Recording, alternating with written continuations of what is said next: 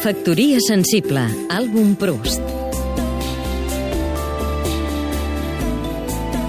Xavier Bru de Sala, escriptor i periodista.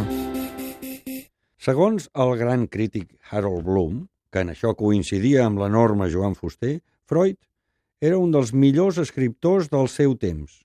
Potser de tots els temps, no un veritable científic, perquè no demostrava res, sinó una personalitat amb una tal capacitat de convicció literària, amb un poder tal d'escriptura, que van tabanar més de mig món. No em sembla pas menys cert que el gran psicòleg del segle XX, el que més a fons s'endins en el replex de la psique o ànima humana, es diu Marcel Proust.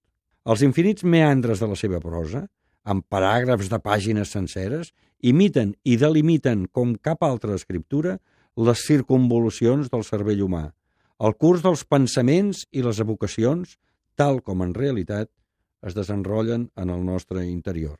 De tal manera que si llegir els grans llibres de Freud desperta admiració i alhora recel, la lectura de la Recherche és una descoberta dels pous insondables del nostre propi fons.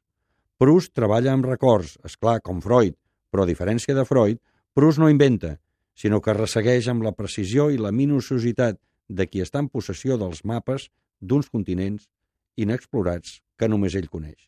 És per això, per descobrir com som, com funciona la nostra ment més enllà de les aparences i l'enganyosa superfície de la divagació permanent en què ens movem, que és fonamental, reveladora, lluminosa, potser com cap altra, la lectura de Proust.